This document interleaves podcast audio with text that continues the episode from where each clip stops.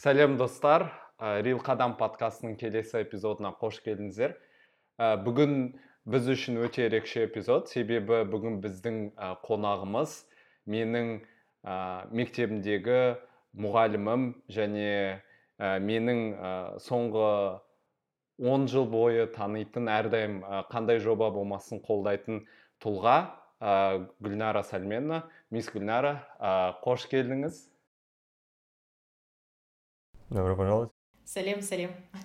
Да, всем привет. Рада быть э, в вашем подкасте. Да, круто. Эм, мисс гүлнара туралы кішігірім ә, бэкграунд жас айтып, айтып өтсек ол қазіргі таңда ә, teach for қазақстан атты ә, жобаның ә, фаундер және CEO-сы оның алдында ә, ол Central Asian and Caucasus International IB организациясының фаундері болды және соның бас, басқарушысы. Ао ништа кітаптың бүкіл қазақстанға кітаптың айналымы айналымымен жұмыс істеді. Яғни бастауыш және негізгі мектептерге ниш ништың шығарған кітаптерінің контенті және дистрибуциясына үлкен өзінің үлесін қосты. Және өзім айтып өткендей мен барған мектепке ниш ә, даму жөніндегі зам директоры болып және біздің әртүрлі сабақтардан мұғаліміміз болды. Ә, мисс гүлнара сізді осы бүгінгі біздің эпизодқа шақырғанымызға өте қуаныштымын. Және біздің ең алғаш сұрағымыз ол әрдайым қойылатын сұрақ. Сіздің өміріңізде өміріңізді бір өзгерткен консистентті түрге, түрде жасаған қадамыңыз қандай болды? Немесе бір қадам сіздің өміріңізді өзгерткен біздің подкастымыздың аты рил қадам сондықтан осы қадамыңыз жайлы ә, білгіміз келіп отыр. Ә, біріншіден нұрпейіс ә, садам және ғалым шақырғандарыңызға өте үлкен рахмет көп рахмет. Ә, шында өзіңнің студенттеріңмен кездескенің ә, олардың ә, жеткен жетістіктерін көргенде одан сайын жұмыс істегің келеді одан сайын ә, бір шабыт аласың сондықтан үлкен рахмет. Ә, істеген істерің алға баса берсін. Ә, негізі ә, әрдайым маған көмек так ә, қандай қадам? Негізі ол әрдайым оқу әрдайым іздену және әрдайым ә, рефлексия жасау қандай жетістікке жеттім алған білімімді қанша қолданды қаншалықты мен қолдана алдым. Сонымен қатар енді рефлексия жасаған кезде өзімді біреумен салыстыру емес өзімді өзіммен салыстыру. Мысалы кеше қандай болдым қаншалықты мен өзгердім қаншалықты істеп жатқан ісім пайдалы ә, деген сияқты заттарды енді жасайтын қадамым осы ә, осы он жыл бойы деп ойлаймын негізі. Осы басында айтып өттік teach for қазақстанды сіз кеше ғана индиядан келдіңіз. Ә, жалпы teach for all ә, организациясы біз осы интернетте оқыдық. Оның басты миссиясы ол ә, educational expand educational opportunity around the world by increasing and accelerating impact of social enterprises that are cultivating the leadership necessary for change. Яғни орта бір ә, қазақша айт, айтқанымен ол ә, білімді әртүрлі ә, адамдарға алып келіп оны ә, демократизациялау ә, осы организацияның жалпы қазақстанның контекстінде не екенін сізден білгіміз келіп отыр. Ә, және индияға неліктен барып келгеніңізді де айтып өтсеңіз. Мхм рахмет. Ә, негізі teach for all ұйымы, ұйымы ә, 2007 жылы пайда болған. Ол қазіргі таңда 61 елде жұмыс жасайды. Екі брендтің төңірегінде жұмыс жасайды. Негізі teach for яғни ә, сосын мемлекеттің атауы teach for Америка, Teach for Азербайджан, Teach for Poland, Teach for Armenia, Teach for China, Teach for India. И солай кете береді ол бірінші бренд екінші бренд ол Teach First. Ұлыбританияда қазір мүмкін өздеріңіздің достарыңыз бар шығар. Ә, тағы да басқа ә, енді араласып жүрген адамдардың арасында бар шығар teach first деп аталады біріншісі. Және сон, содан ә, тағы да teach first denmark teach first germany деген елдерде де осы бағдарлама жүзеге асырылады. Бағдарлама негізгі халықаралық ә, деңгейде жүзеге асырылады. Бірақ әр мемлекет өзінің төңірегінде өзінің жаңағы қаржысымен өзінің ә, лидерлері арқылы жүзеге асырады. Негізгі ә, барлық елдердің шешетін бір сұрағы білім саласындағы теңсіз білім саласындағы теңсіздікті азайту білім саласындағы жаңағы балалар ә, білім саласындағы әртүрлі жағдайда орналасқан балаларға ә, білімді қолжетімді қылдыру олардың мүмкіндіктерін өмірдегі жаңа мүмкіншіліктерін арттыру. Ә, әр елде енді англия болмасын қытай болмасын үндістан болмасын барлығында ә, білім саласындағы теңсіздік бар. Және соның бір, бір шамалы шешу жолының бірі ол осындай teach ә, first жаңағы немесе teach for all ұйым арқылы жүзеге асыру. Енді ә, енді мен барып келген ә, жаңағы поездка дейді ғой да ә, trip. Мен барып кел микс уже языков в голове. Ә, енді менің сапарым негізгі жаңағы teach for india ә, барлық қаншалықты жұмыс жасалды олар өйткені 13 жыл бойы жұмыс жасап келеді әлі де үйренетініміз көп әлі де істелінетін жұмыс көп деп олар әлі де көп істерді жүзеге асырып жатыр. Біз соны барып зерттеп зерделеп қарап қандай мектептермен жұмыс жасайды қалай олар жаңағы адамдарды іріктейді қанша ақша төлейді қанша ә, қаншалықты қолдау көрсетеді өздерінің қатысушыларына деген соның бәрін зерттеп зерделеп көп ой түйін алдым көп нәрсені басқаша қарастыра бастадым енді ертең өзімнің командамен кездесіп осы алған барлық тәжірибені өзімізге қолжетімді өзімізге қолайлы жерде енгізіп өзгертулер енгізуге енгіземіз негізгі сол мақсат по сути, такой очень крупный социальный проект да. аж на, по всему миру. И просто, может, у зрителей, да. даже у меня возникает сразу вопрос интересный. А как такой проект вообще существует, да, потому что это больше как социальный, получается, а, благотворительный, да, а, в какую-то меру. И откуда идет спонсорство или кто ответственный? Это идет вот а, General Teach for All, от них идет какое-то спонсорство всех различных стран, проектов внутри стран, или это каждый под отдельный, как сказать, филиал, да, этого проекта должен сам mm-hmm. находить фандрейзинг или там деньги на то, чтобы спонсировать именно этот проект в своей стране, да, и кто э, инициатор, то есть, э, ну вот, да, немножко подробнее об этом, как. Э, спасибо, крутой вопрос. По сути, э, мы являемся общественным фондом, и все страны, вот в 60, в 60 странах есть Teach for All, и он является, мы не являемся франшизой или мы не являемся филиалом, мы все независимые организации но мы единственные объединены а, одними ценностями и одними принципами. Вот эти вот моменты, это очень важны. И то, что э, самое важное, что мы перенимаем опыт других стран, то есть я не начинаю все с нуля. Мне достаточно посмотреть, как это сделала Индия, Мексика, Америка, да, Англия. И все это уже принимая, я адаптирую все это под контекст Казахстана и внедряем. Это вот первый плюс Teach for All. А, второй плюс Teach for All – это в том, что наши выпускники, те ребята, которые два года отработают, так скажем, или посвятят жизнь школе, эти ребята становятся сразу частью сообщества Teach for Kazakhstan, а сразу частью сообщества, мирового сообщества Teach for All. То есть это, э, если посмотреть по Forbes Under 30, многие лидеры, каждый восьмой лидер, э, если не ошибаюсь, каждый восьмой является выпускником подобной программы да, то есть это реально лидеры, э, э, это лидеры глобального масштаба. Поэтому мы, являясь независимой организацией, мы не берем деньги у Teach for All, ни в коем случае, но мы берем их принципы, мы берем их ценности.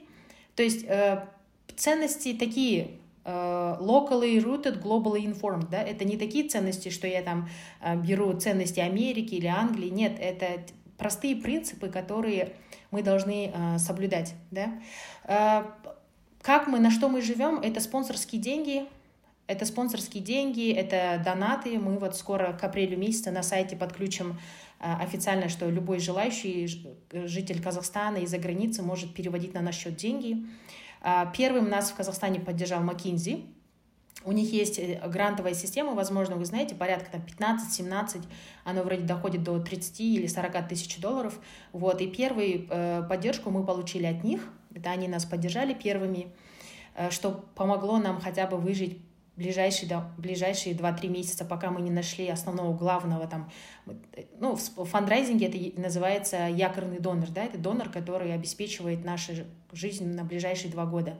И вот повезло, что мы нашли такого человека, к сожалению, я не могу говорить э, его имя, но могу сразу сказать, что он гражданин Казахстана, что он является, он из списка Forbes, а, и так интересно, что мы пошли на эту встречу, готовясь о том, что думаем, сейчас мы целый, у нас буквально там время на обед, сейчас мы будем ему рассказывать, как это важно, как это важно, почему это нужно делать, да. Оказалось, что нам нужно всего лишь поговорить с ней минуты пять, после чего он сказал, ребята, я готов вас поддержать, я вам дам гораздо больше, чем вы просите, пусть это получится, и давайте его делать красиво. Вот, поэтому в стране абсолютно есть люди, которые готовы поддержать подобные проекты, и мы не принадлежим ни государству, ни отдельному бизнесу, мы отдельная такая независимая организация, гражданская инициатива, а, которая хочет как-то повлиять на образовательное неравенство, которое, э, которое есть у нас в стране. Вот, как-то так. Я еще хочу сказать, что сооснователем, еще одним основателем, наверное, нашего фонда является Дулатбек Икбаев. А, он является, кстати, руководителем тоже uh, McKinsey, сейчас senior partner of McKinsey in Central Asia. Поэтому это вот два человека, инициация, можно сказать, инициатива двух людей, которые все вот так вот это двигает, делает. Uh, хоть Дулабек работает в McKinsey, но мы с ним встречаемся каждые две недели обсуждаем дальнейшее развитие. И более того, волонтеры, э, есть ребята, которые вот консультанты и э, ряд э, девушек, мальчиков, пацанов, так скажем, в Макинзи, которые работают, и они просто на волонтерской основе нас поддерживают, помогают где-то по э, бизнесу, по тому, как нужно там развивать общественный фонд. Вот, поэтому, как говорится, мы в хороших руках во всех смыслах этого слова. Вот. Да, да, да, да. У меня follow-up сразу и тогда так, такой интересный. А, допустим, в стране нет, допустим, это еще организация, да? И, допустим, в Казахстане до какого-то момента тоже же не было. И инициатива исходит, получается, от кого? То есть, если ты живешь в этой стране, допустим, может, вы в этом случае, я просто точно не знаю, вот хотел узнать, как, допустим, Teach for Kazakhstan в целом образовался и от кого инициатива идет? Teach for All или вот от страны самой как-то идет? Вообще у истории, у Teach for Kazakhstan есть своя история. Э, Ее впервые пытался внедрить Саясат Нурбек. Это наш э, сейчас нынешний да, министр высшего образования. Он тогда был директором э, Центра образовательных программ Болошак. И, и у него он тогда, то есть еще, еще в 2013 году он был наслышан про Teach for America – и он запартнерился с этими ребятами и сказал, что давайте делать Teach for Казахстан. То есть все-таки это про то, что инициатива со стороны выходит. И тогда со всей этой идеей его Министерство образования э, не поддержало, сказало, ну, слушай, стране не хватает специалистов. Э, как, как ты думаешь, что люди закончили по Балашаку, приедут в страну, и вместо того, чтобы идти работать там на, фабри на фабрике, заводы, а он пойдет работать в школу на два года, это большая трата, ну, большая трата средств, ну, нерентабельно. Поэтому в тот момент это все прекратили. Потом в 2018 году девушка по имени Гульнас Курданова э, узнает про проект Teach for All и начинает э, связываться с Teach for All, хочет это запустить и предпринимает ряд э, дел. В общем, э, Teach for All, что он еще делает э, очень хороший? Teach for All э, помогает нам правильно запустить программу. Вот, например, то, что я сейчас ездила в Индию на почти целую неделю на обучение – это все покрыва, покрывается за счет Teach for All. Билеты, проживание, все обучение. То есть это их благотворительность по отношению к нашей организации, да. И, соответственно, вот Гульнас начала запускать, в 2019 году она открыла общественный фонд, а, ну и в 2022 году она поступила в Гарвард на магистратуру и решила, что она дальше Teach for Казахстан делать не будет. И они начали искать нового SEO. И э, об этом проекте я сама узнала в июле 2022 года. Э, и мне проект очень сильно понравился. Я в буквальном смысле, можно сказать, в него влюбилась, потому что очень сильно отзывалась, потому что мне в жизни как бы образование сыграло огромную роль, учителя тоже огромную роль сыграли. И мне кажется, если бы в свое время я не обратила как бы достаточно как бы серьезное отношение не проявила к образованию, возможно, я бы сейчас была совсем в другом положении. Соответственно, я начала, э, то есть она уехала в Гарвард учиться, и, соответственно, мне надо было все начинать относительно с нуля. Мы переосмыслили весь, переосмыслили весь проект. Э, мы даже название поменяли, мы открыли новый общественный фонд. Э, раньше это было Teach for Kazakhstan через Кей, а сейчас он Teach for, на самом деле, не Казахстан, а Казахстан. То есть через Q по-английски, или можно сказать через наш латинский да, алфавит Х, поэтому это Teach for Казахстан. И его, это вот вторая глава э, общественного фонда или всей этой инициативы началось в сентябре месяце, и в октябре мы подписали меморандум э, с Teach for All, и на основании меморандума мы сейчас работаем, и в ближайшие вот моя цель — это стать партнером Teach for All, это значит о том, что мы достигли определенных, э, ну, выполнили ряд определенных там действий, мы набрали, значит, первых участников — ну, это вот, то есть это какой-то бенчмарк минимальный, который я должна э, сделать для того, чтобы мы уже стали больше, чем просто э, Teach for Kazakhstan, а стали частью глобального движения образовательного. Вот. А, проект не просто как проект, а кажется, как будто очень серьезный бизнес-проект, да? где нужно постоянно какие-то KPI э, достигать, и нужно постоянно что-то новое делать. Это вообще круто енді менің сұрағым ә, осы білім саласындағы теңсіздік егер қазақстанның контекстін алатын болсақ ол қай жақтан шықты оның себебі неде? Ә, және оны вот teach for қазақстан немесе басқа программалар қалай шеше э, по сути смотрите вопрос неравенства в образовании да образовательное неравенство он находится в повестке многих многих стран. Многих, даже та же Англия, та же Америка, все развитые там 10 сколько стран у нас, которые есть, да, входят, они, у них у всех в поездке стоит э, вопрос образовательного неравенства. Все очень просто. Э, если вот э, неравенство, да, означает, сейчас скажу, сори, неравенство, которое есть в стране, она означает, что э, социально-экономическая, так скажем, сфера страны э, разное. Если образовательное неравенство огромное, то значит социально-экономическое расслоение страны будет разное. А для страны, в которой социально-экономическое расслоение много, значит, в будущем в экономику страны, в, соци... в социальные да, сферы страны придут люди с разным качеством мышления, с разной нормой жизни, да, и с разным, ну, как бы, э, образом жизни. Ну, то есть вот вроде бы одна страна, да, вот представьте, такой же там 20-летний человек казахстанец – который закончил в Астане и который закончил где-нибудь в ауле. Это один и тот же человек в стране, но они, у них разные качества мышления и разные качества вообще нормы жизни. И, норм, и тот человек, который пришел, он, ему мало что дать этой экономике. И чем больше будет социальная неустойчивость, да, тем будет огромный разрыв, разрыв в, социально-экономич... в социальном экономическом плане, да, э, показателях вот. И э, образовательное неравенство, вот я говорил, что это скорее следствие э, неравенства э, в социально-экономических показателях. Вот. И вот, допустим, Галм, ты учился в Алмате, э, так скажем, тебе еще повезло, потому что твое окружение э, как-то могло, вот в университете тебе даже повезло, что ты узнал про стажеров. Повезло, понимаешь, как я говорю? То есть это ошибка, это условно ошибка выжившего человека. То есть тебе повезло, что ты узнал про стажировки, что ты начал к этому стремиться, да. А, то есть, то есть через образование ты начал менять свое мировоззрение, отношение к жизни.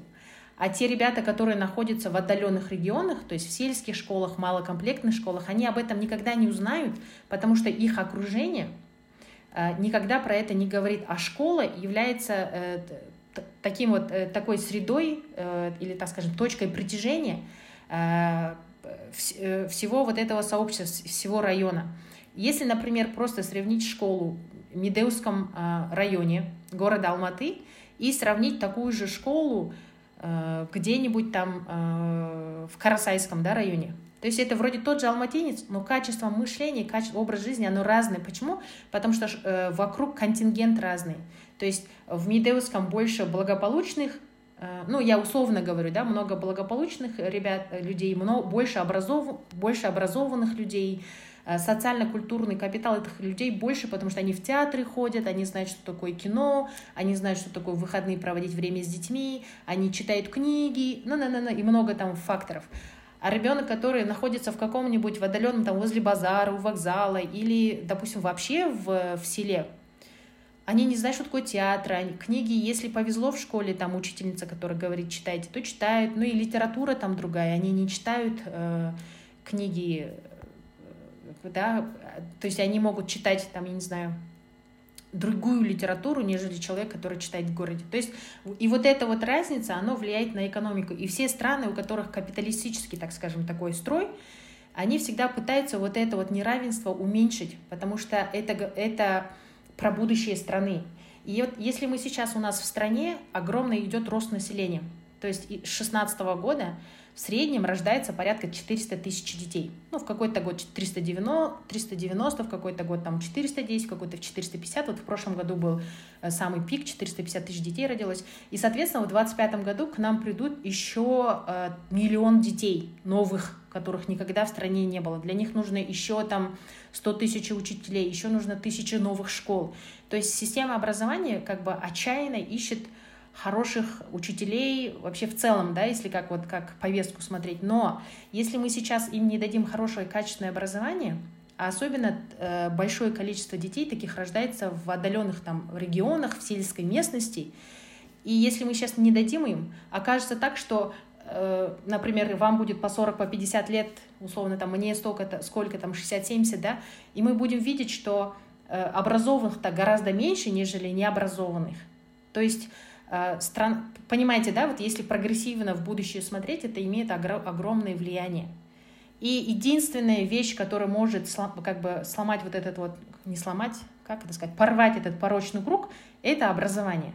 Это вот люди, которые могут прийти и дать. Сейчас в стране очень много инициатив касательно неравенства образования и текущая, вот, скажем, э, повестка, не повестка, а как сказать, э, президента, э, что это может быть, его программа президента, это про, про то, что каждый ребенок, даже который живет в ауле, он должен иметь, да, он должен быть счастливым, у него должен быть равный доступ к качественному образованию. Поэтому страна сейчас много чего делает. Они что делают? Они строят хорошие дороги, протягивают интернет, ставят кабинеты робототехники, делают капитальный ремонт, тому подобное, что в принципе хорошо.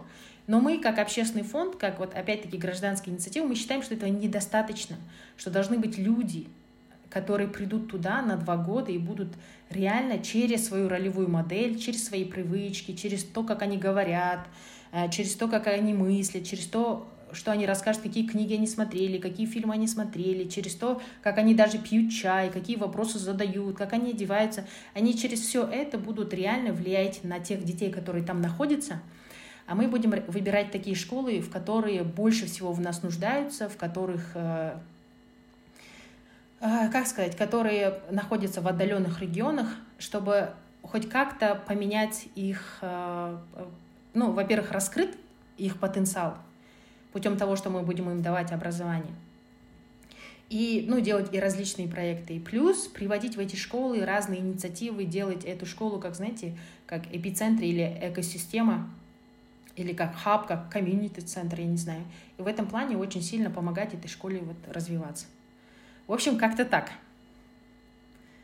Э, нет, классно, классно вы, вы, ответили на мой вопрос. То есть э, очень интересно то, что на, самом деле вот какая-то вероятность, вот вы э, сказали про то, что мне повезло, и вы как будто увеличиваете вот эти шансы, чтобы этим, этим детям тоже повезло вы, допустим, отправляете в один класс одного учителя, как учителя математики, к примеру, и он через свои, там, через себя пропускает вот эти идеи, он через себя просто передает, ведь весь, весь тот контекст, который был, допустим, в городе, где он учился э, в каком-то вузе, он вот это передает детям, и это очень, на самом деле, интересно, и типа, э, наверное, э, если, я вот подумал, если взять одного ребенка и отправить там в город, наверное, на него это также сильно повлияет, как если бы ты отправляешь одного учителя в, в школу, где он может повлиять на стольких детей, да? Да, я тут, мне кажется, это очень, очень классно. Да, это на самом деле мы Э, вот я когда говорила повезло, вы, наверное, знаете про э, такую фишку, да, ошибка выжившего человека. Когда э, это, ну, такая тенденция, это когда ребенок, допустим, с аула вырвался, да, и говорят, ну, мына бала бар ғой міне ауылдан шықты ешнәрсе болған жоқ оқу керек тырысу керек барлықтарының қолдарынан келеді деп айтады да. Негізгі барлық адамның әрбір баланың білім алуға жақсы білім ә, сапалы білім алуға құқығы бар. Ә, одан кейін біз ә, ересек адам ретінде ондай жағдай жасауымыз керек. Бірақ көбінесе елде енді халық арасында әне ауылдан шықты қолынан келді деп бір бір адам туралы барлық адамның тағдырын шешеді ана адам істей алды сендер неге істемейсіңдер? деген сияқты. Бірақ ауылда тұрған немесе алыс жерлерде орналасқан балалар кінәлі емес ауылда туғандығына. Немесе ә, мүмкіндігі болмағандықтан немесе ата анасы оқымағандықтан ә, олар ондай оған кінәлі емес енді біздің идеямыз сондай бала, сондай балаларға шамалы болсын бір ықпал ету. Өмірлерінде өмірінің, өмірінің жағдай, траекториясы басқаша бола алады деген туралы ақпарат беру олардың потенциалын ашуға ә, мүмкіндік жасау. Олар ары қаратай өздері шешім қабылдайды. Олар оған керек па керек емес па істегісі келе ма істегісі келмей ма деген сияқты. Бірақ негізі біздің идеямыз сол жерде болу ә, қолымыздан келгенше ықпал ету. Енді біз әрбір мектепке бір үш төрт ә, fellow дейді ғой үш төрт мұғалім ретінде жібереміз. Ә, бір мектепте бір ә, мұғалім ешқашан жұмыс жасамайды. Олар үш төрт кейбір мектептерде бес жеті мұғалім ретінде барып жұмыс істеуі мүмкін. Өйткені негізгі идея әрбір адам кем дегенде 200 балаға ықпал ете алады екі жылдың ішінде. Біз негізгі біздің былай бенчмарк дейді KPI біз әр адамның жаңағы әр қатысушының KPI-ін жаңа 200 баланың өміріне ықпал ету ретінде санаймыз. Өйткені ол жаңа математикадан жетінші сыныпқа сабақ берсе ол кем дегенде 30 бала сегізге берсе тоғызға берсе онға берсе яғни әр әр жаңа қатысушының әр мұғалімнің ә, кем дегенде жаңа 200 адамға өміріне ықпал етуге сондай мүмкіншілік бар. Сондықтан олардың негізгі жай жай мұғалімнен қарағанда одан да көп жауапкершілік бар да. Өйткені олар барып ә, өздерінің жаңағы рөлдік модель арқылы балалардың өміріне бір кішкене болсын ықпал жасау ә, басқа әңгімелер айту ә, басқа жаңағы құндылықтарды көрсету ә, басқа өмірлік сценарийлер туралы әңгіме қозғау. Және балаларға мысалы біз қазір ә, сіздер білетін шығарсыздар ең бірінші жаңа бағдарлама пилот қарағанды облысында болатын болады. И біз қарағанды облысына әр апта сайын ә, бір кем дегенде екі үш мектебін барып қарап тұрамыз. Ә, ауылдық жерлерде болмасын қалалық жерде болмасын ә, балалар барлығы бірдей барлығы оқығысы келеді барлығы бір қызық адамды ә, өздеріне былай рөлдік модель болатындай адамдарды негізгі қалайды іздейді сондай адамдармен бірге болғысы келеді. Сондықтан бұл біз жаңағы ауылдық жана, немесе алыс жерде орналасқан мектептің балаларына сонымен қатар қаладан келетін өздерің сияқты балалардың да өмірін өзгертеді. Өйткені олар ә, шынайы ә, ықпал не екенін ә, адамның өмірін қалай өзгерте, өзгертуге болатыны туралы көреді біледі. Бұл сіз айтып өткен жалпы ә, ә, қазіргі ситуация ә, идеальный контекстте әрбір студент сол ә, баратын жаққа ә, ауылға барып 200 оқушыға екі жылда өзінің әсерін алып келе алады. Бірақ біздің әлем идеальный әлем емес. Және біздің қазіргі қазақстандағы ауылдағы ә, бір оқу орнындағы контекст басқашалау ол жақтағы мұғалімдер ол жақтағы администрация басқаша оймен болуы мүмкін. Сіз ә, өзіңіз айтып өттіңіз 200 балаға жақсы әсер алып келеді. Бірақ мен өзім мысалы университетті бітірдім өмірге деген құлшынысым өте үлкен. Бірақ осы teach for қазақстанға қосылдым мысалы иә. Кейін ауылға барып қазір өзгертемін деген құлшыныспен барам. Бірақ ол жақтағы системаны системаның бар болғанына сіз ешқайсымыз қарсы еш нәрсе айта алмаймыз дұрыс па? Ол жақта өзінің бір системасы бар. Ол система біздің идеологияға келмеуі де мүмкін. Сол жас шетелде оқып келген мысалы менің досым осы жаққа барса. Білмеймін ә, оны сіз ә, сол метрикаға жаңа 200 балаға позитивті түрде әсер ету деген метрикаға қалай қосасыз? Және ол реалистті түрде сіз оқушының ауылға барып осындай өзгерістер алып келе алады деген ойдасыз ба? Мхм негізі күшті сұрақ керемет сұрақ. По сути смотрите что мы делаем. Мы отбираем ребят то есть наш сам отбор, он такой многоступенчатый, и сам, самая главная вещь, которую мы, на что мы обращаем внимание, это ценности участника. Насколько он реально готов поехать, реально повлиять, насколько в нем достаточно вот этого стержня внутри, да, это вот первое. Э, но мы, как общественный фонд, со своей стороны что делаем? Мы этого человека, допустим, э, Нурпиис захотел стать нашим участником, он идеально по своему диплому подходит на учителя математики. Э, и мы так как у него инженерное образование, мы его там, готовим на то, чтобы он стал учителем, проводим через педагогическую переподготовку, да, погружаем максимально в учительство, и потом мы его трудоустраиваем официально в школу на два года, и пока он работает в этой школе в течение двух лет, у нас будет методическое сопровождение, коучинговое сопровождение, кураторское сопровождение. И более, и более того, мы будем напрямую работать с директорами школ, завучем, и то есть мы еще на себя берем такую ответственность, как общественный фонд, работу и разви развивать э, лидерский, так скажем, э, потенциал школы или административно-управленческий капитал школы. Мы э, пытаемся, как сказать, повлиять на это тоже путем того, что мы будем их обучать, проводить их через курсы повышения квалификации вот этих вот директоров, для того, чтобы они э, хоть немножечко, так скажем, э, начали менять систему внутри школы, создавать такую вот среду да, внутри школы. Но более того, кроме этого, мы отбираем эти школы, в которых мы хотим работать. То есть это те, те, те директора, которые готовы с нами реально сотрудничать и помогать э, нам э, правильно выстраивать взаимоотношения. И более того, мы с ними подписываем договор, где э, черно по белому написано, что наша вся работа строится на наших ценностях. Это профессионализм, это служение, это доверие, это партнерство. И мы пытаемся через вот эти вот вещи э, и лидерство. И вот через вот эти вот пять ценностей мы продвигаем весь наш, там, допустим, с ними контракт, все, все наше взаимодействие опять строится на этих ценностях.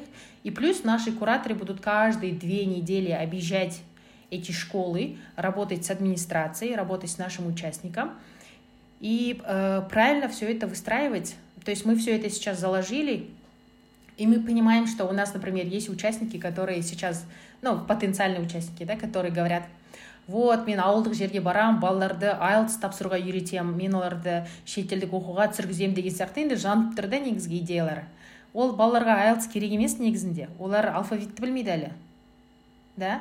И біздің негізгі идеямыз оларды ә, қолымыздан келгенше жаңағы нағыз контекстпен таныстыру и жаңағы мен айтқан үш жарым айлық ә, педагогика қайта даярлау бағдарламасында біз оларды мектептің контекстімен сол тұратын қоғамның ә, жаңағы әлеуметтік психологиялық жағдаймен таныстыру. Себебі біздің баратын қатысушы нақты қай жерге бара жатыр ол адамдармен ол адамдармен коммуникацияны қалай ә, құру керек қалай сөйлесу керек ә, қандай іс өйткені ол қазір қаладан барып мен бәрін білем бәрін істей аламын сіздердің мына жерде сүріп жатқан өмірлеріңіз дұрыс емес мен қалада көрдім шетелде оқыдым осының бәрі былай болу керек деген ә, ниет жоқ.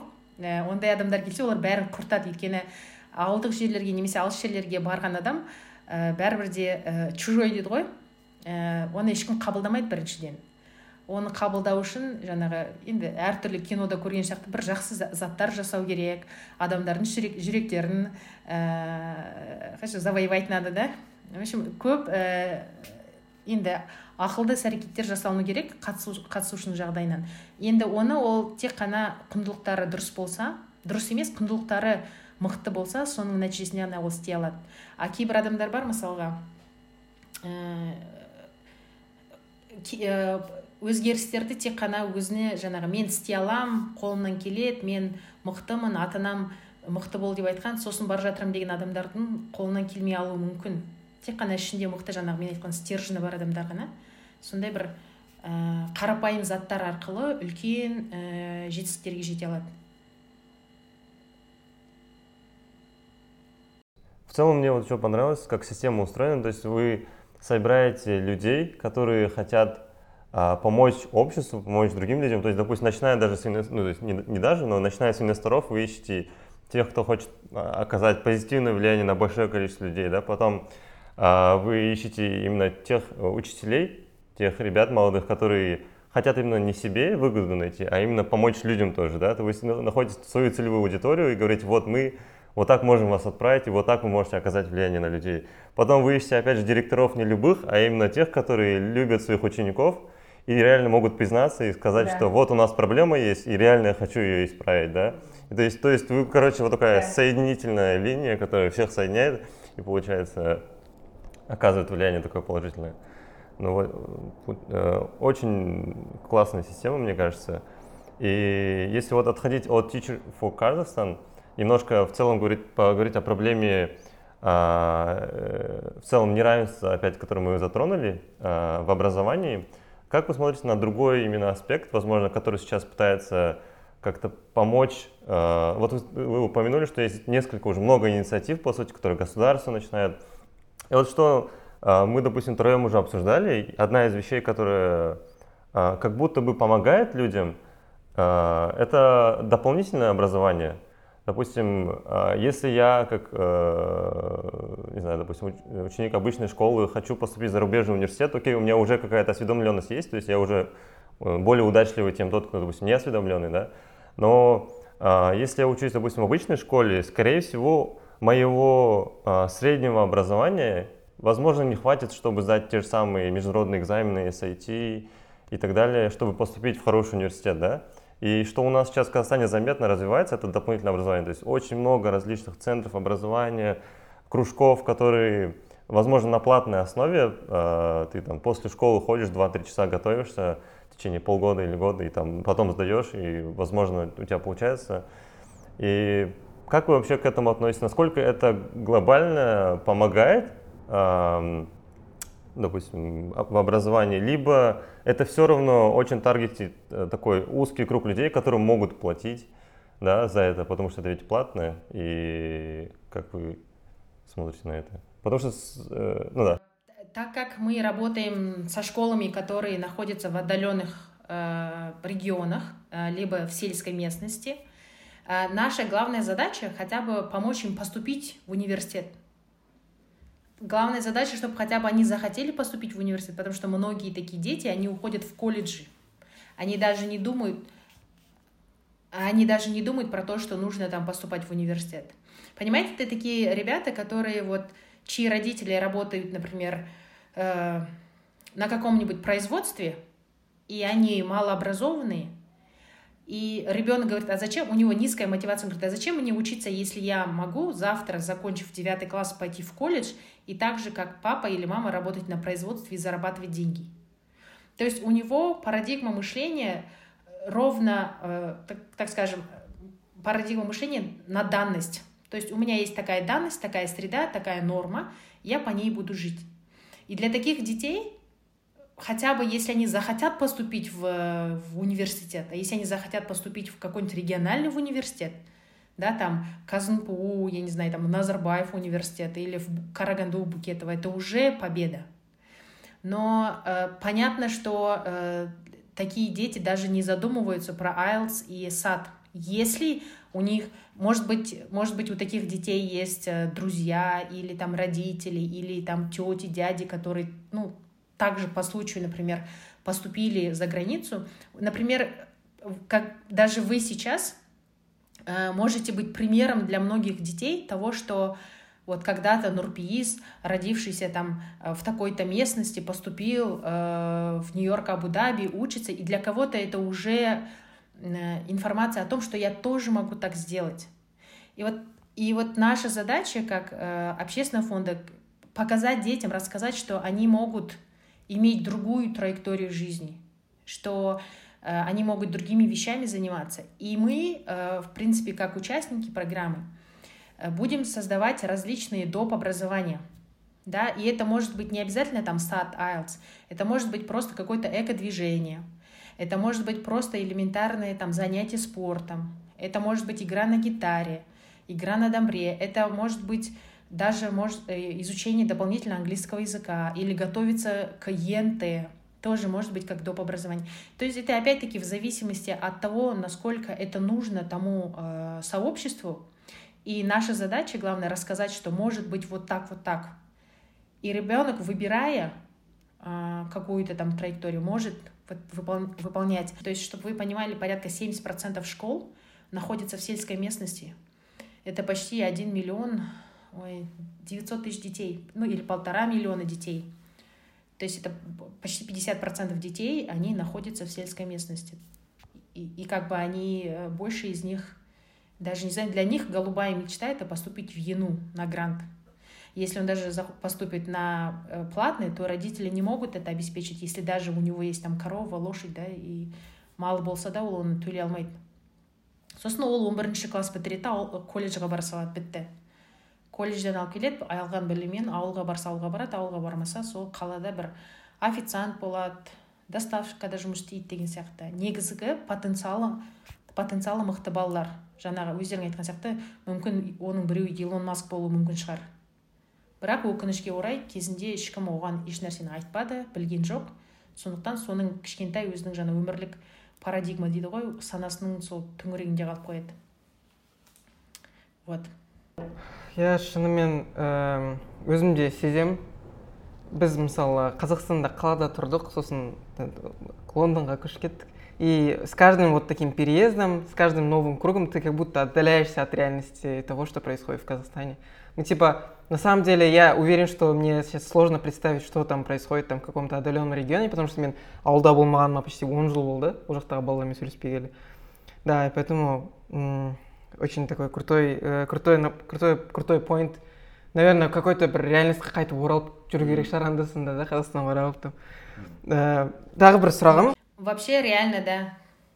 Ә, сұрағым сіз жаңа ә, сіздің ә, бір ә, в целом мұғалімдердің ә, балаға әсер еткен кезде баланы үйреткен кезде ә, андай детская психология деген бар ғой. Үйреткен кезде әртүрлі ә, там ә, психологический трюктар может манипулятивный трюктар жасау керек та чтобы бала оқу үшін или бала тыңдау үшін.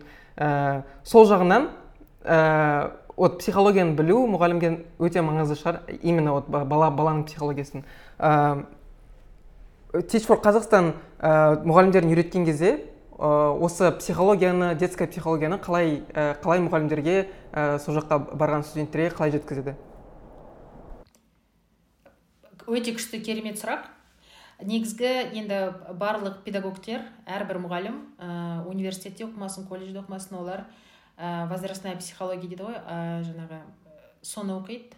Ә, психология ад, енді психологияны әр түрін әр түрлі түрін оқиды. Өйткені ол ә, үлкен бір міндетті ә, бағдарламаның ну дисциплиналардың бірі.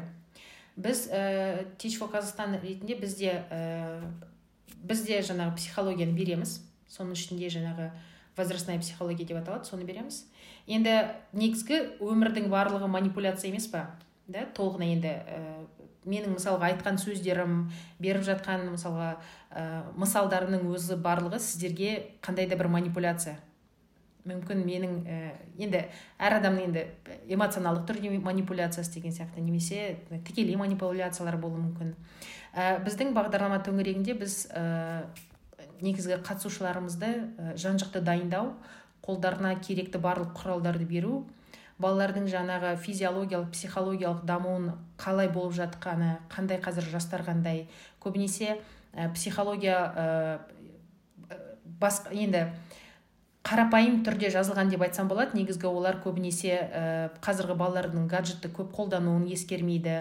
Балалардың ә, жаңағы психологиялық эмоционалдық жағдайын ескермейді. Олар жаңағы баяғыда қалыптасқан үлкен ә, қалыпты теориялар туралы айт, э, көбінесе айтады.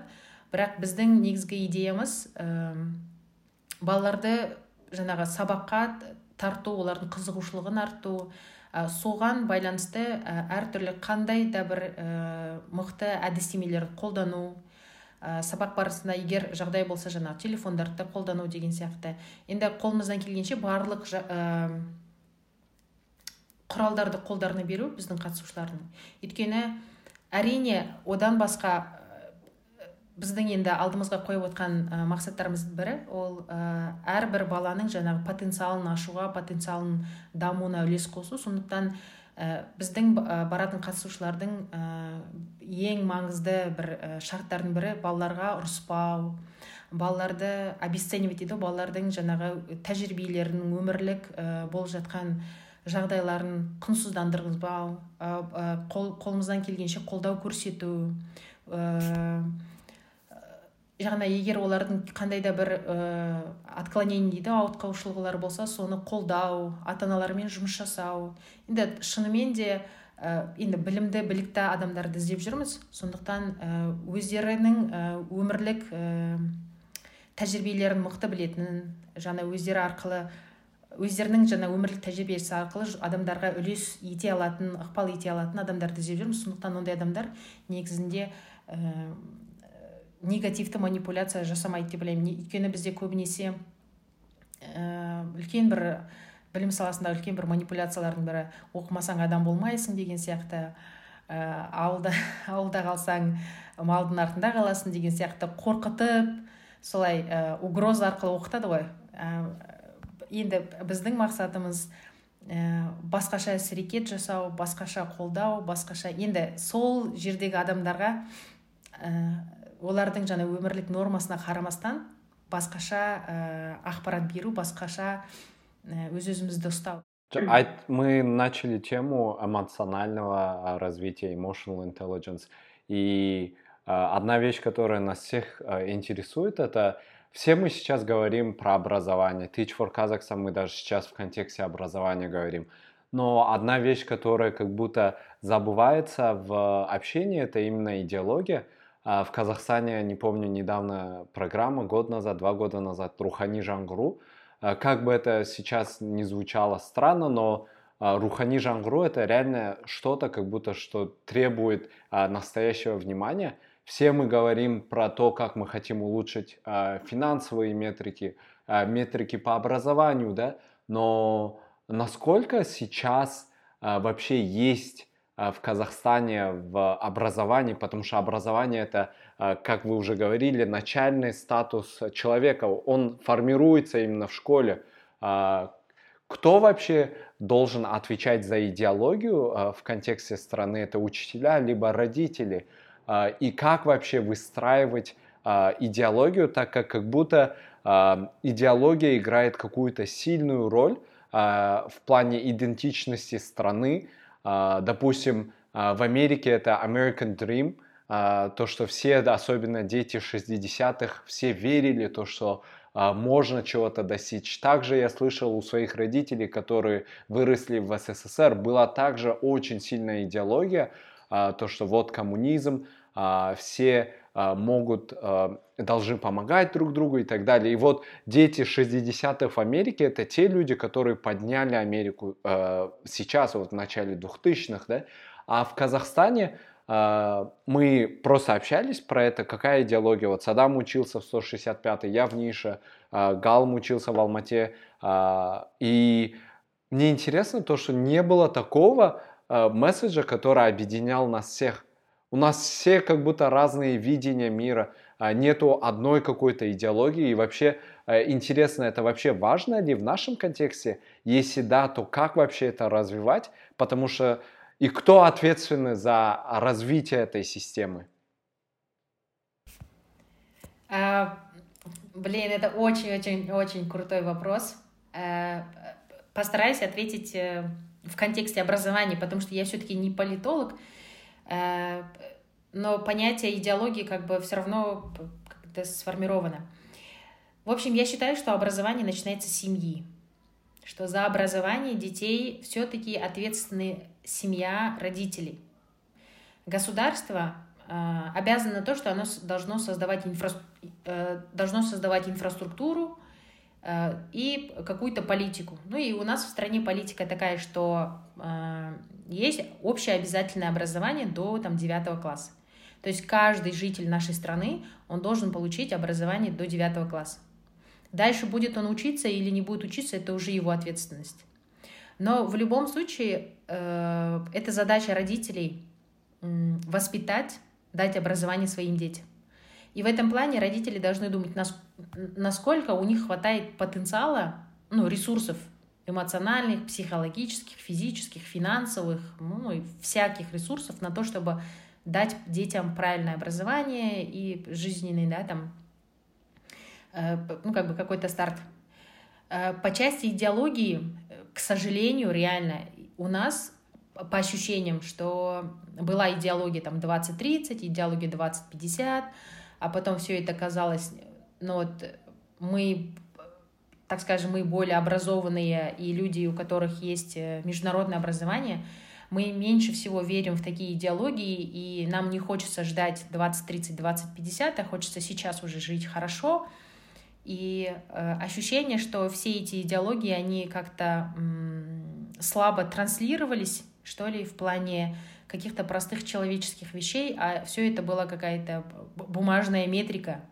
Там, вот это сделано, дан. Ну, например, даже то, что эм, ниш IB э, должны были получить аккредитацию IB, это, оказывается, было в стратегии 2030. Я об этом не знала, я даже понятия не имела, что я вкладываю свой, э, ну, делаю свой вклад в развитие там, Казахстана 2030 да, то есть оно было на бумаге, я это делала чисто как KPI для себя, как бы, да, у меня была задача это делать, но оно как-то не праздновалось, э, оно об этом как-то не говорилось, и это э, как реальный, как реальный инструмент идеологии не работало, потому, как мне кажется, потому что оно было достаточно сложно написано, и оно было, э, как сказать, не, не особо информировано, к этому люди относились как опять-таки, ну, кто-то написал, э, там певцы говорят об этом.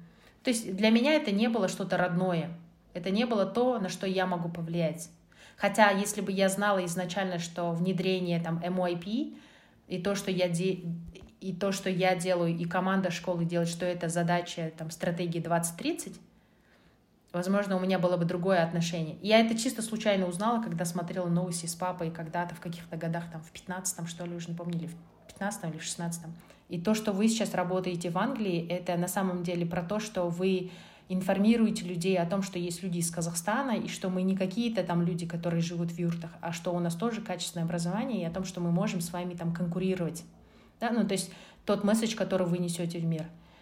И, соответственно, то есть э, как бы каждый человек, если бы понимал, то есть мы все равно на идеологию так вот э, не смотрим, наверное, или э, не так сильно понимали, вот это чисто с моей перспективы. Я не знаю, какая у вас сейчас идеология. Что, что вами движет вообще? Может быть, еще я буду тоже вопросы задавать, вообще будет классно. Вот, да, вот, вот то, что, то, что вами движет, почему вы делаете Real Кадам? Да, вот это вот вам надо в воскресенье тратить время, э, делать этот проект, э, рассказывать, вот что вами реально движет. Какая-то идеология со всем этим стоит, или это все-таки э, какой-то, я не знаю, там, история того, э, как родители вас научили, или это история каких-то людей, это какие-то нарративы, которые вы всегда слышали, и вы хотели бы быть такими, но я не знаю, а почему у вас это появилось? Ну, не все же это делают, да, это вот, честно сказать, я много знаю выпускников ниш, но не все такое делают. Вот вопрос, почему? Да, очень интересный вопрос. Мы, вот, э, по-моему, как раз когда мы собирались и делали, когда инициатива только зародилась про Рил Кадам, у нас вот одна из целей была то, что мы хотим Э, дать молодежи Казахстана э, как раз-таки тем людям, у которых нет вот этой возможности, э, повысить awareness, типа повысить вот эту осведомленность, чтобы, наверное, в каком-то плане вот сходится какая-то наша миссия с Teach for Kazakhstan, то что и вот и одна из причин, почему мы именно позвали вас на наш очередной выпуск, то что мы хотим сравнять шансы, раскрыть потенциал молодых людей в Казахстане. Э, и я думаю, что конкретно что мной двигало для того, чтобы это сделать, это вот э, какая-то историческая несправедливость, наверное. Э, то, что я очень люблю историю, историю Казахстана, и каждый раз, когда читаешь mm-hmm. какие-то главы из истории Казахстана, там э, все как-то несправедливо складывается. И это меня на самом деле очень сильно гложило. И, наверное, это один из вещей, которые вот эм, сделала мою, мою э, философию. Да, в целом насчет проекта, мне кажется, э, мы уже несколько раз, в самом первом, кажется, рассказывали, то, что вот мы когда собрались, и мы в целом как э, дружим, и общаемся в течение уже года. И у нас такие очень продуктивные разговоры проходят, проходили, по крайней мере. И, ну, проходят, надеемся, сейчас тоже продуктивно, да? И вот, и а, у каждого, кажется, из нас, мы несколько раз это упоминали, появилась идея, что что если эти разговоры шерить с людьми? То есть э, мы хорошо ходим в Лондоне, это обсуждаем, и то есть еще сами развиваемся, но не делимся этим. То есть мы э, абсорбим, но не шерим, правильно? И мы посчитали, mm-hmm. что, кажется, будет очень полезно э, делиться тем, что мы делаем тут с остальными, хотя бы, да, хотя бы показывая, что хотя бы произнося свои мысли и как мы мыслим, э, чтобы другие люди, может быть, задумывались определенным образом о том, что они делают, чего хотят и что можно добиться и как этого добиться. И то есть и, э, и вот, вот таким путем э, мы пришли к тому, что, окей, кажется, подкаст это такая хорошая тулза, чтобы то, что мы хотим, э, угу. вот, выполнить. Yeah. ә, мен достарым айтып өткен мен толықтай келісемін жалпы өзімде мен ә, мектепті бітірген соң өзімнің ә, іштей сезім болған мен өте бір сәтті жерге түсіп сәтті мұғалімдермен ә, бірге болдым. Және ә, нишол жалпы үкіметтің ғана емес бүкіл халықтың жобасы ғой. Ә, қаншама қаражат жұмсалады қаншама шетелден күшті эксперттерді алып келіп ә, мен мектепте болғанда сіз тура сол жерде болдыңыз. Қаншама ақша жұмсалды. Бізді шетелге апарып бізді бізді әлемді көрсетті да. Ә, сол кезде түсінгенім бұл капиталистік әлемде біздің ә, халқымыз бізге сондай үлкен үмітті берді. Және қазіргі таңда барлығымызды ә, құдайға шүкір өте жақсы өмірлік стандартымыз бар. Бірақ ә, университетте болсын іштей сондай біртүрлі сезімде болдым мен осылай өмір сүре беремін ба ешкімге бермей. Сондықтан өзіңіз ә, ең ал, алғашқы қолдаушы болған ізбасар жобасында ә, жасадым. Ал енді қазір осы достармен рил қадам жобасы арқылы одан әрі адамдарға көбірек ә, мүмкіндіктер ашуда. Ә, жалпы өзіңіз айтып өттіңіз ғалым айтып өтті жаңа ә, былай қарасаң талант барлық жақта бірдей бар. Ә, таланттың саны аз емес бірақ мүмкіндіктердің саны өте аз. Және қазіргі таңда ә, біз, біз бұл мүмкіндікті қалай көбейте аламыз? Жалпы біз өзіміз технология сферасында жұмыс істегендіктен түсінгеніміз ол интернет арқылы және қазақстанда көп адам қандай жерде болмасын контентті көп алады ғой. Ол инстаграм болсын ютубта көп отырады. Бір жағынан бұл көп уақытты алса да біз сол, соны қолданбаймыз ба деген ой болды. Сондықтан біз ең бірінші продуктымызды подкаст ретінде бастадық. Ә, адамдар бәрібір ютубта отырады. Ол ютубтағы құртқан бір сағаты осы бізбен ә, бір пайдалы контентті бөліссейік деген ә, ойда болды. Ал өзіңіздің айтып өткен сұрағыңыз қандай идеология? Мен идеологияның қандай екенін дәл білмеймін бірақ іште әрдайым қазақстан еліне қайттан бір бір нәрсені қайтару және ә, сол мүмкіндіктерді ә, жастарға көбейту себебі шынымды айтайын қазақстандық жастардың потенциалы бүкіл әлемде ең күшті күшті. Ә, және осы ктл ништің оқушылары қазір әлемнің аренасында оны күнделікті дәлелдеп жүр ғой. Ә, сондықтан ә, мен ойымша тек ниш пен ктл 165 165 лицей ғана емес бүкіл қазақстандық мектептерді олай жасауға болады. Себебі ә, кеше мен білдім бізде ништің 17 мыңнен астам қазір түлектер бар. Соның 5 проценті мысалы ауылға барып ә, бір ә, бір нәрсе осы тичворк қазақстанмен болсын мұғалімдік жасаса бұл шынымен де қазақстанды өзгертуі мүмкін. Ә, бірақ айтып өткендей реалист болу керек. Әлі бұрынғы система өмір сүруде. Бұрынғы системаның бір қиындықтары болсын. Жақсы жерлері де өте көп бірақ қиындықтары да өте көп. Онымен бірге жұмыс істеу менің ойымша өте қиын ә, жоба. Сондықтан ә, сізге сәттілік сол тичер қазақстанмен ә, осы іс, істі шынымен де іске асыру. Да рахмет рахмет. Негізі шынында да күнделікті өмір сүріп жүргеннен кейін көп мән бере бермейсің. Қаншалықты менің істеп жүрген іс әрекетім де мән бар деген сияқты да мазмұн как сказать meaning да? How much meaning in the work that I do every day? Ну вот күнделікті істеп жүрген іс әрекетте қаншалықты мәнді мазмұнды іс бар деген сияқты. Сондай бір сұрақтар әрдайым адамның мына ә, іштегі құндылықтарын ә, көтереді немесе еңселейді. Сондықтан шынайы менде де инициатива елге көмектесу ә, көмектесу емес. Ә, өзімнің ә, қолымнан келгенше бір ықпал ә, жасау ә, жаңа балалардың өміріне жақсы бір өзгерістер әкелу. Енді оның барлығы негізгі мүмкін бізде ішімізде бір идеология бар шығар бірақ біз оны айқын біле алмаймыз.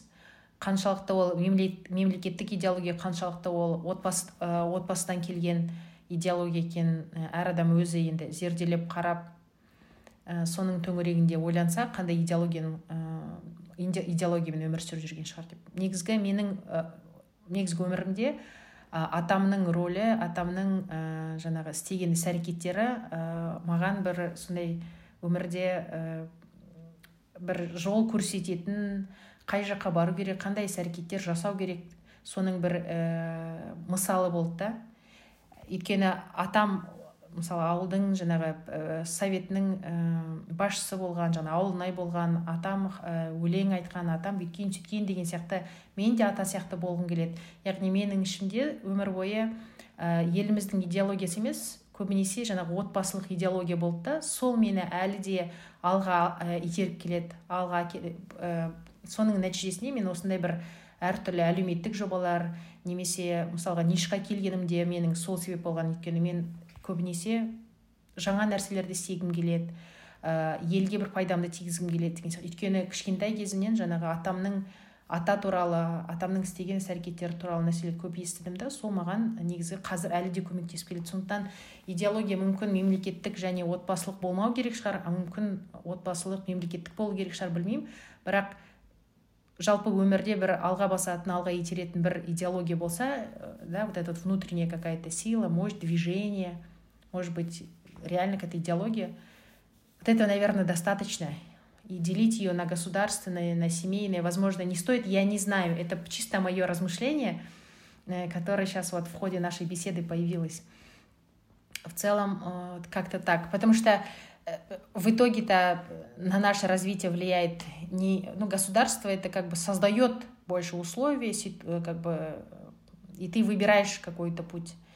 Ну а что ты будешь выбирать это все равно вот с семьи начинается. Поэтому э, вот вы сейчас будете в будущем создавать семью да растить своих детей и то как вы себя позиционируете то как вы будете их воспитывать, это вы будете воспитывать, по сути, будущее страны, потому что то, как будут действовать ваши дети, они, это будет все равно на основании ваших каких-то паттернов. Ну, то есть все это такая цикличная вещь. И да, родители играют огромную роль. Э, получается, э, учителя, они имплементаторы, да, то вот этой идеологии с, с одной стороны. То есть они, ну, я помню по своему опыту, Э, в школе, если я видел учителя, которые, не знаю, были учителя, которые очень сильно повлияли, допустим, на меня по своему образу жизни, по своей там какие-то мысли рассказывали. Они не делились просто хард-скиллами, там, как математика, а mm-hmm. больше делили, делились вот жизненным опытом, как надо вести себя, какие-то ценности прививали. И на самом деле это было, наверное, очень важно, потому что ну, в, в той реальности, в которой я воспитывался, родители, они на работе, и ты больше всего времени проводишь э, именно на учебе. И кроме учебы, где ты еще берешь идеологию, это именно через друзей э, или там через интернет. И э, такие люди, наверное, тоже нужны были. И правильно вы сказали, то, что я, я полностью согласен с тем, что э, учителя, они имплементаторы э, вот этой идеологии. Да, ну и в принципе больше всего же запоминается какой учитель, который больше всего на вас повлиял. Ну вот у вас у каждого, наверное, есть учитель, который на вас больше всего повлиял в жизни. И это все-таки больше про ценности этого человека, это про его историю жизни и про то, что он вообще в этой жизни сделал. Ну вот это вот больше про таких людей, э, ну, у которых есть какая-то внутренний стержень какой-то, есть какая-то внутренняя идеология и они этими движимы, и это как раз-таки заражает других э, детей э, посредством там, обучения, преподавания, ролевой модели. И на самом деле такие учителя, они же очень сильно влияют на э, баланың ынтасын арттырады ықыласын арттырады да? Вот тағы келесі тақырып тақырып осыған ұқсас оқығанды қалай ә, сен мектепте оқығаныңды қалай максимально абсорпшн жасауға болады? Оқығанды қалай тоқу керек деген сұраққа ұқсас та. Ә, мысалы біз 11 жыл бойы оқимыз и мен шынымды айтсам көп көп заттар есімде жоқ мен көп заттарды мен қолданбаймын да осы шын өмірде.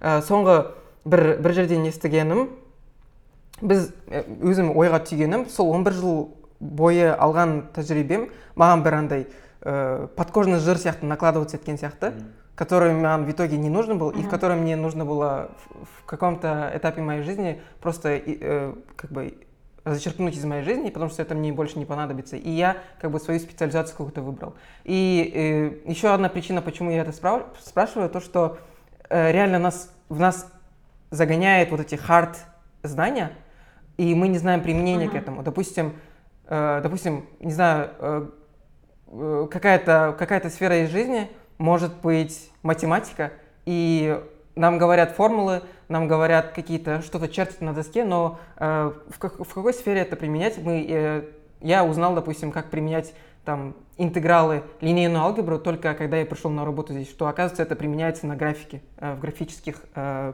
график computation, да. Вот, э, вот э, мой вопрос, э, как максимизировать то, что ты, э, как максимизировать то, чтобы ребенок запоминал те вещи, которые он учит на долгий срок? Э, смотрите, как э, чтобы их мотивировать, ну, любая мотивация, она же связана с целью, ну, для чего ты это делаешь? И оттуда же выходит тема прокрастинации, то есть, да, многие люди не делают этого, потому что они реально не видят важного смысла. И детям иногда неинтересно, почему я должен это знать для того, чтобы завтра я могла это применить на работе, да? а я хочу жить сейчас, и мне должно быть интересно сейчас. И вот это вот главная, наверное, задача педагогов, учителей сейчас заинтересовать детей, потому что э, заинтересовать это равно поднять мотивацию, да, рассказать им о том, что это, это важно. И зачастую происходит так, что учитель дает информацию, учитель всегда говорит, надо учиться, надо делать, он еще это оценивает. В общем, это все всегда это история про учителей, нежели про учеников. Потому что мы, как учителя, редко говорим детям, для чего это им нужно. Мы реально об этом редко говорим. У нас главная задача, пришел ребенок, сел на урок, и мы начинаем, да, в буквальном смысле фигачить. Там, накидываем на них информацию и хотим, чтобы они это знали, потому что мы думаем, что это важно для них. Но мы редко говорим о том, что это важно для них, для, ну, как бы, то, то есть мы позиционируем все равно как учителя с точки зрения того, что ну, мне нужно дать вам знания, информацию, а вам нужно это взять. Ну, ребенок иногда думает, что это ему не столь важно. И в этом плане, наверное, единственное, что учителя могут сделать, это делать реальную связь с жизнью, выйти за пределами вот этой вот коробки, да, ну, допустим, тот же, допустим, интеграл, если он э, обучает, то связать это с жизнью, с нормальной, вот с простой жизнью, которая происходит каждый день, и не говорить о том, что это нужно будет завтра э, на работе. Только тогда детям это будет интересно, и только тогда они будут понимать смыслы. А еще, более того, сложная задача учителей сейчас стоит, что у детей практически есть доступ к любой информации, потому что есть интернет — и учитель является, уже не является просто, э, так скажем, носильщиком да, информации, как это было раньше, ну, когда учились ваши родители. Потому что кроме учителя никто ничего особо не знал, потому что учитель больше всего читал, учитель знает то и все. А сейчас очень много знают сами дети в плане теории, в плане информации. И задача наших учителей, скорее всего, больше дать софты для того, чтобы научиться там больше копать. Ну, например, учитель создает такой урок, в котором, э, где ты развиваешь свои софт-скиллы, и ты сам дальше копаешь про эти интегралы, потому что тебе интересно, и учитель подал тебе так, что тебе это стало интересно.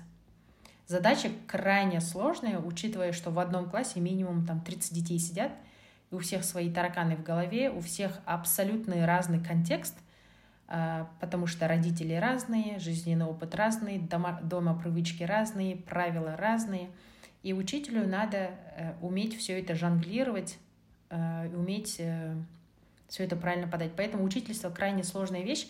И поэтому учитель должен быть больше, чем просто предмет. А, вот реально не то, что нужно, он должен быть больше, чем предмет, и он должен уметь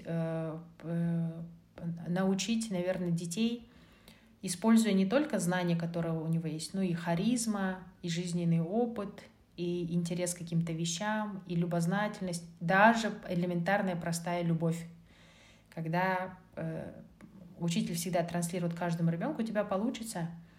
Э, тебе, у тебя сегодня не получилось, это не значит, что ты там все в этой жизни никем не станешь. А тебе, может быть, следующий раздел у тебя получится получить хорошие оценки. Потому что в этом разделе у тебя ну, не такая эмоциональная обстановка ну, или тому подобное. То есть и для этого нужно иметь большое сердце, мне кажется, и супер-супер э, умение понимать детей, не осуждать, не вешать ярлыки и не говорить, что с них ничего не получится. Ну, то есть это такая, на самом деле, учительство — это сложная вещь. Понятно. А, мисс Гульнара, вот а, мне очень сильно понравилось а, то, что вы сказали, учитель должен быть больше, чем а, свой предмет. И как таковой учитель это не просто эксперт по математике или эксперт по истории, но он также должен быть психологом. А, а, хочу задать вопрос, который больше как кейс-стадии. Вот можете выбрать предмет, по которому вы сами специализированный учитель, и можете дать один пример того, как вы каждый день будете больше, чем учитель по предмету, чтобы это было не просто как совет, а был практичным советом. Как вы можете сами, как учители, mm Э, вот предмета, который вы преподавали, э, быть учителем больше, mm-hmm. чем предмет? Окей, uh, okay. я сама учитель английского языка. Uh, ну и, в принципе, учитель это больше, чем предмет, и учитель, учительство, в принципе, не заканчивается после 45 минут, да, оно продолжается в любом случае. И это, наверное, простые, простые вещи. Будь внимательным к людям, которые вокруг тебя, да, там идешь по коридору, увидела ребенка, который там, ну, не знаю, голова вниз опущена. Просто подойти, спросить, как у тебя дела? А, ты сегодня кушал? А, ты сегодня готов к уроку? Я не знаю. Э, второе, это, наверное, э, всегда э, вот как учитель задаваться вопросом, насколько эффективный у меня сегодня был урок, что у меня получилось, что мне не получилось. Да, вот э, всегда, ну, то есть это про то, что всегда учиться, а не думать, что да, я знаю этот present simple, и, и, и на этом все. А как вести этот present simple для каждого класса, он по-своему разный. И вот, то есть всегда размышлять, всегда рефлексировать. Это, наверное, второе. Эм, третье — это, мне кажется, быть э, трушным. Это сейчас стало очень модно, но и всегда, как мне кажется, я всегда старалась быть. То есть, если мне э, там трудно, если я болею, если у меня там что-то не получается, быть честно говорить детям, что, ребят, сегодня у меня там голос пропал, поэтому мы будем там делать listening. Ну, я утрирую, да или там, э, то есть быть всегда честным с детьми, э, с собой, со своим коллективом. Если что-то не получается, то спросить у ребенка, как ты хочешь, чтобы я тебе это объяснила. А можешь ли ты привести пример, где ты там лучше всего обучился, может быть, я смогу там что-то другое сделать. Потом, э, в моем случае, это всегда быть позитивной. Э, то есть вот эта грань иногда э, разная, неважно, как сложно тебе учительство дается, но вести себя так, что как будто все окей. Вот это тоже такое вот, наверное, поведение, так скажем, да. Вот, что еще? Ну, мне кажется, вот эти вот вещи базовые, там, а, быть всегда опрятным, всегда улыбаться, но никому в этой жизни не интересен грустный человек, поверьте. Быть позитив... То есть быть позитивным, улыбаться — быть опрятным, иногда даже одеваться нестандартно, а, да, то есть бывают же такие учителя, которые любят красиво одеваться, ярко одеваться. мне кажется, вот это вот протрушность. Интересно, да, в целом добавить про э, заинтересованность детей, да, потому что я сам думал, э, и кажется, что вот именно application, да, как вы сказали, то, то, что именно если соединить то, что ты сейчас делаешь, зачем оно, связать это с тем, что что ты можешь потом с этим сделать, да, как учитель. Если это показать, то это сильно возвышает какую-то заинтересованность. Как будто в университетах это присутствует, да? Как будто мы когда уже в университетах изучаем, application у нас всегда во всех, даже, даже hard топиках, да, допустим, какой-то топик проходим, application есть тема отдельная, типа как это используется э, в твоей специальности, на твоей работе. Или, кажется, самая работающая схема это показать да, ребенку. Когда ты ему показываешь, он, ему уже не надо ни говорить, ничего, ему можно показать один раз, и он, увидев, воодушевляется. То есть для меня в университете так сработало. Типа я о, увидел что-то, и мне уже, я понял, что, что мне нужно, и ты уже сам думаешь, что тебе нужно для этого, да, и уже вдохновленный идешь. И, возможно, кажется, в, если в среднем образовании, мне кажется, такое уже присутствует в какой-то мере, то есть э, образование развивается, и в какой-то мере, кажется, учителя, каждый по отдельности, возможно, опроучить это, этот, э, э, эту методологию, да. И мне кажется, в контексте Teach for Kazakhstan, чем э, интересный момент, что вот именно получается молодой э, специалист какой-то, да, э, там 20-25 лет или сколько, он э, уже где-то, какой-то у него был опыт, и он едет, допустим, в какую-то школу, и когда он что-то обучает, он у него сразу связь в голове есть. То есть он знает, о, это я же использую где-то на работе, или я использовал где-то в университете. То есть он просто моментом может быстро показать, типа, вот это запомните, это важно, допустим, да, и кажется, вот uh-huh. э, когда иметь, если у учителя есть контекст, где это используется, и показывает application, то это сильно решает на, влияет на то, насколько сильна мотивация у учеников, да?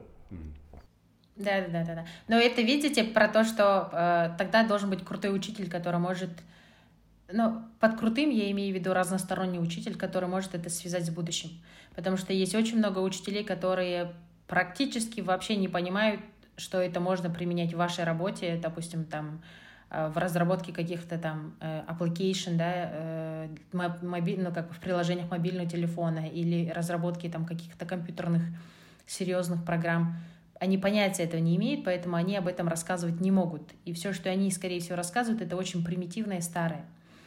И в этом плане учитель, э, как минимум, должен быть любознательным и всегда как бы копать Э, в своем предмете и смотреть, да, что новое происходит, и, и, и пытаться это все интегрировать, потому что зачастую учителя не знают, что, что этот интеграл нужен будет завтра там, при разработке чего-то. Если он скажет, ну, ребят, вот у вас же есть в телефоне там, условно какая-то игра, а вы знаете, чтобы его разработать, нужно иметь вот такой вот такой-то навык.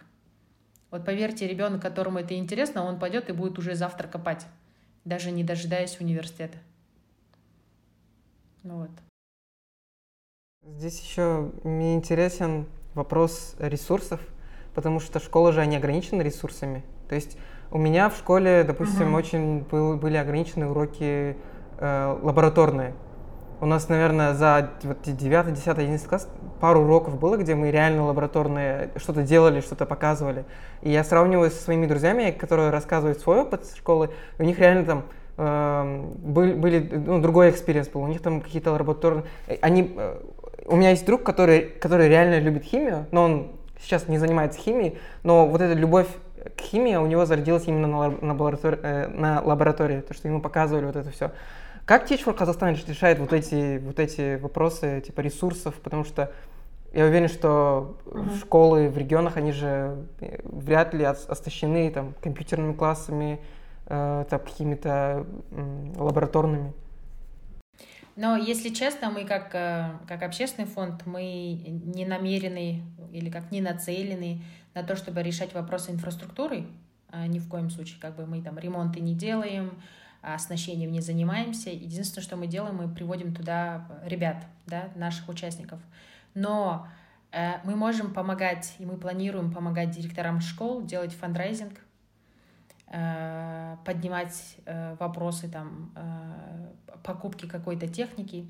Зачастую вот в региональных школах и в сельских школах, школах бывает так, что им аппаратуры приносят, им там по робототехнике приводят очень много крутых ноутбуков, но там нет специалиста, там нету человека, который мог бы все это взять и правильно использовать. И зачастую все это лежит огромным грузом в этих школах да, но вот опять-таки у нас в стране много инициатив, и вроде бы как сейчас стараются приводить ребят, которые либо обучать школь, учителей информатики в школе, но это все равно э, понимаете, есть такая вот э, ситуация, я не говорю, что...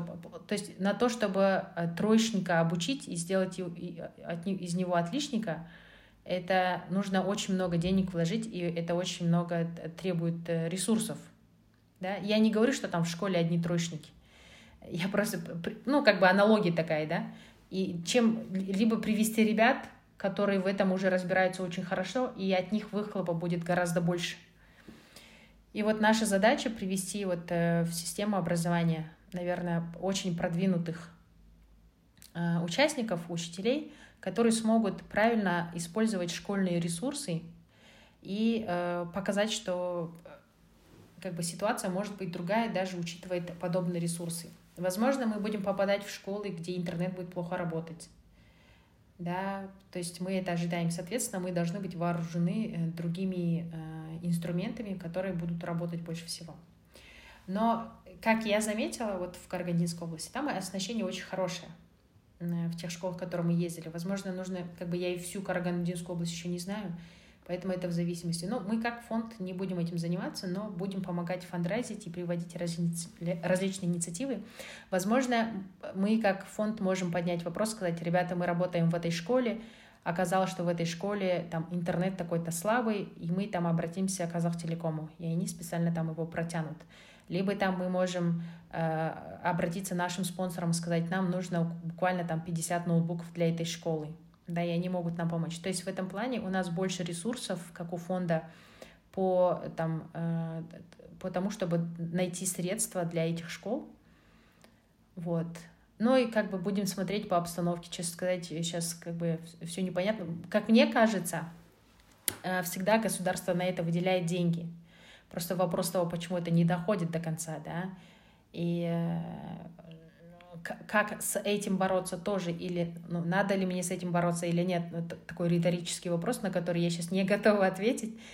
Э, да, но мы больше будем заниматься мозгами, нежели инфраструктурой. Вот это уж точно. Э, мне кажется, это вообще и правильно, потому что э, погонишься за двумя зайцами, ни одного не поймаешь. Э, хотя бы одним, одной вещью заняться и быть крутым в этом, мне кажется, было бы вообще круто. Для контекста, а, для наших слушателей, вы а, начинаете Teach for Kazakhstan именно а, сельские регионы в Карагандинской области, да?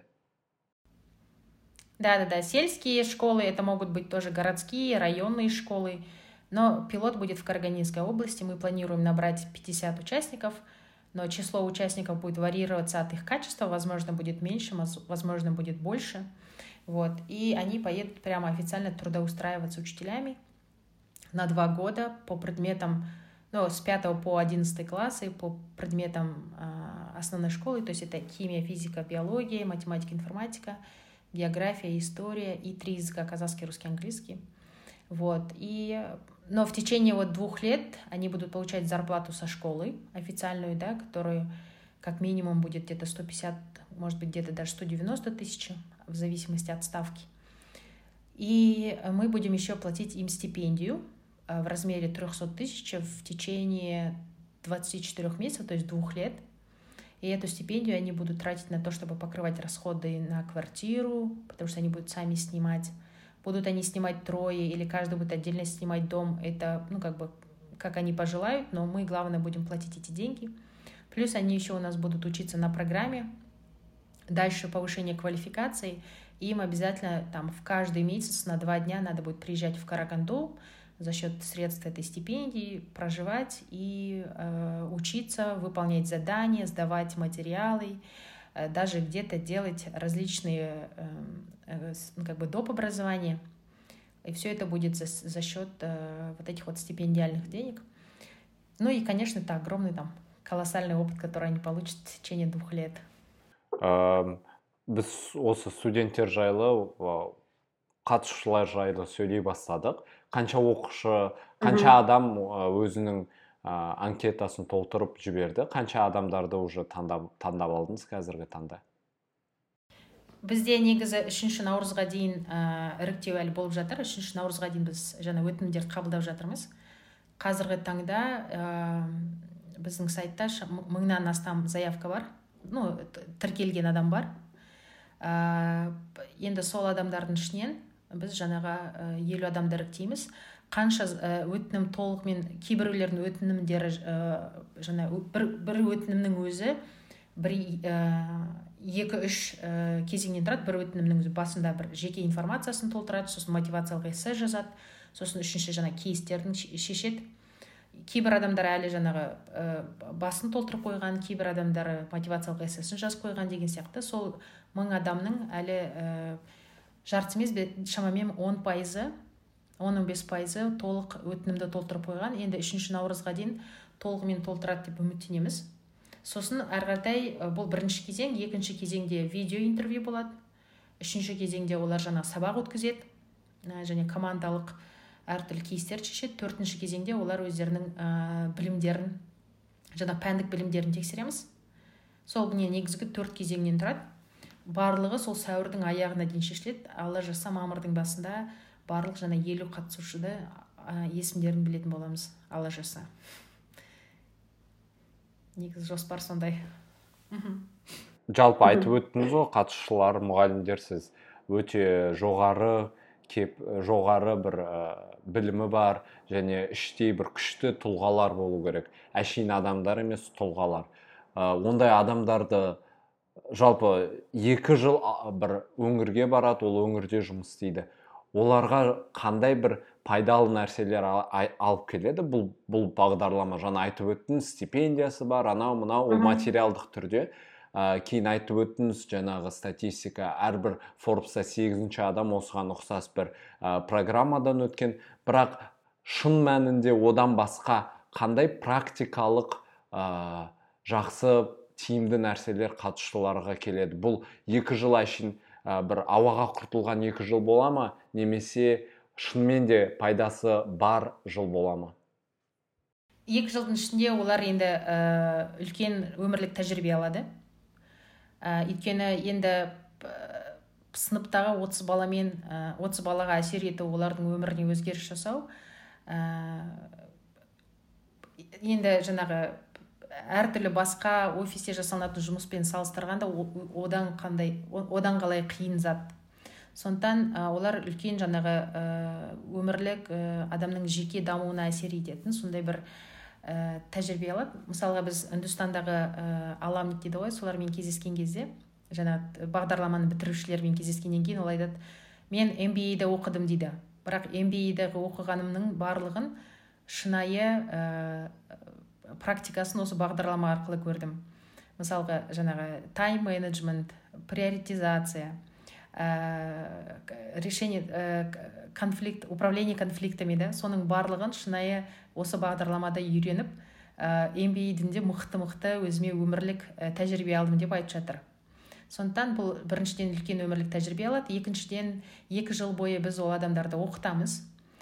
Адам ә, қатысушыларды сонымен қатар оларда ә, өздерінің коучтар болады. Яғни жеке дамуына әсер ет ә, жеке жаңа толық тұлға ретінде қалыптасуына да үлкен үлес қосылатын бағдарлама болады.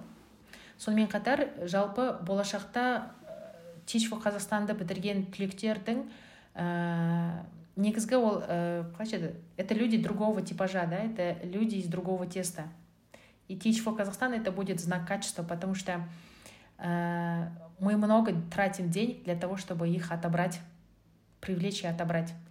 И любой адекватный работодатель, зная, сколько денег было потрачено на таких людей, э, он их руками и ногами заберет. Любая частная городская школа, э, любой корпоративный мир, пусть он будет э, PricewaterhouseCoopers, ну, вот любой, любой, любой корпоративный мир таких ребят заберет, потому что это такие люди, которые точно могут решать конфликтные. Э, ситуации, это те люди, которые точно могут ставить задачи, решать задачи, это ценностно ориентированные люди, это люди, которые э, могут, э, как сказать, повлиять на развитие организации, могут видеть большую картину. То есть это люди, которые уже зрелые э, во всех смыслах этого слова, и эта программа делает их такими.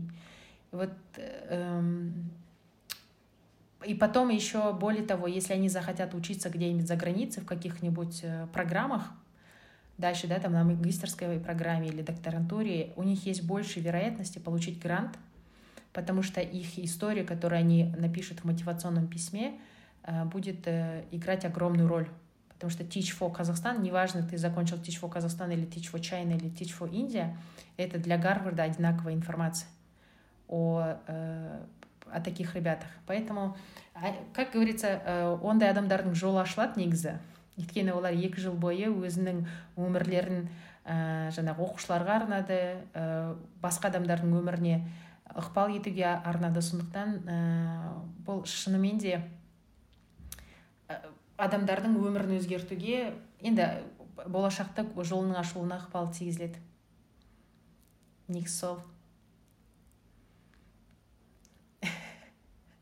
Вы не хотели еще подать в программу, не задумались? Вот теперь думаем. Попробуйте такая. Я шучу, но если захотите, подавайте. Ну, не факт, что пройдете. Потому что это отбор сложный. Попробуйте пройти, да? Алгоритмы надо будет проходить? біздің соңғы сұрағымыз қонақтардың бәріне қоятын соңғы сұрағымыз ол сіздің білім саласына жаңа келген мамандарға қандай бір кеңес берер едіңіз қандай кеңес be brave да быть смелыми мне кажется вот это вот быть смелыми ничего не бояться. Вот это вот точно. И те люди вот нашим потенциальным участникам кто хочет подать программу до 3 марта э, хочу сказать что будьте смелыми и пробуйте потому что э, на самом деле это проект про про вызовы и про, ну, как бы, про раскрытие своего даже личного потенциала и не бояться подать, посмотреть.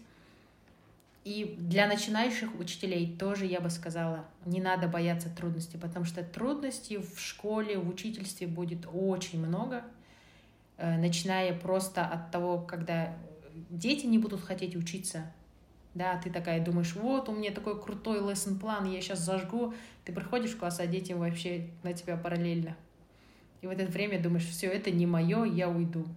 Нет, надо, не надо бояться, а наоборот надо быть смелыми и придумывать какие-то другие варианты, другие формы взаимодействия. И все равно у нас в стране учительство, я думаю, еще в хорошей, ну как бы, оно не совсем сильно девальвировано, как мы все думаем. Все равно, особенно в сельских местностях, учитель — это человек, который несет знания, это признак интеллигентности, какой-то признак интеллигенции даже. Поэтому всегда к учителю прислушиваются, всегда э, ходят рядом, хотят условно дышать этим воздухом, который учитель дышит. Поэтому я думаю, что главное быть смелыми и пробовать. Вот, наверное, единственное. Потому что много можно давать советов по тому, как нужно там вести уроки, как одеваться, не знаю, как разговаривать. Смысла нет, наверное, вот быть смелыми, вот самое важное. И любить свое дело, вот это тоже важно. Иначе, в общем, учительство не выгребет. Как-то так. рахмет өте күшті күшті кеңестер өте күшті кеңес сіздің осы біздің қонағымыз болғаныңызға көп рахмет сізбен танысқанымызға қуаныштымыз менің ойымша өте күшті күшті әңгіме болды көп зат білдік өзіңіз туралы teach for қазақстан туралы мұғалімдік туралы. Сол үшін көп рахмет сізге. Сізге ә, сәттілік тілеймін.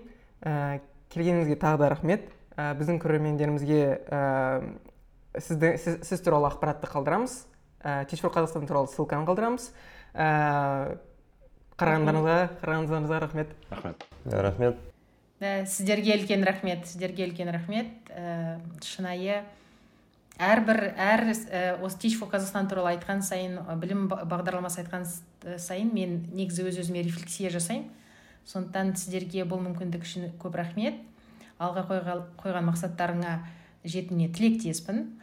Болашақта үлкен үлкен жобалар жасалынады деген жасалынады деп үміттенемін. Егер менің қандай да бір көмегім қолдауым керек болса мен әрдайым көмектесуге дайынмын. Сондықтан сіздерге көп рахмет. Baxtlı olun. Sağ olun.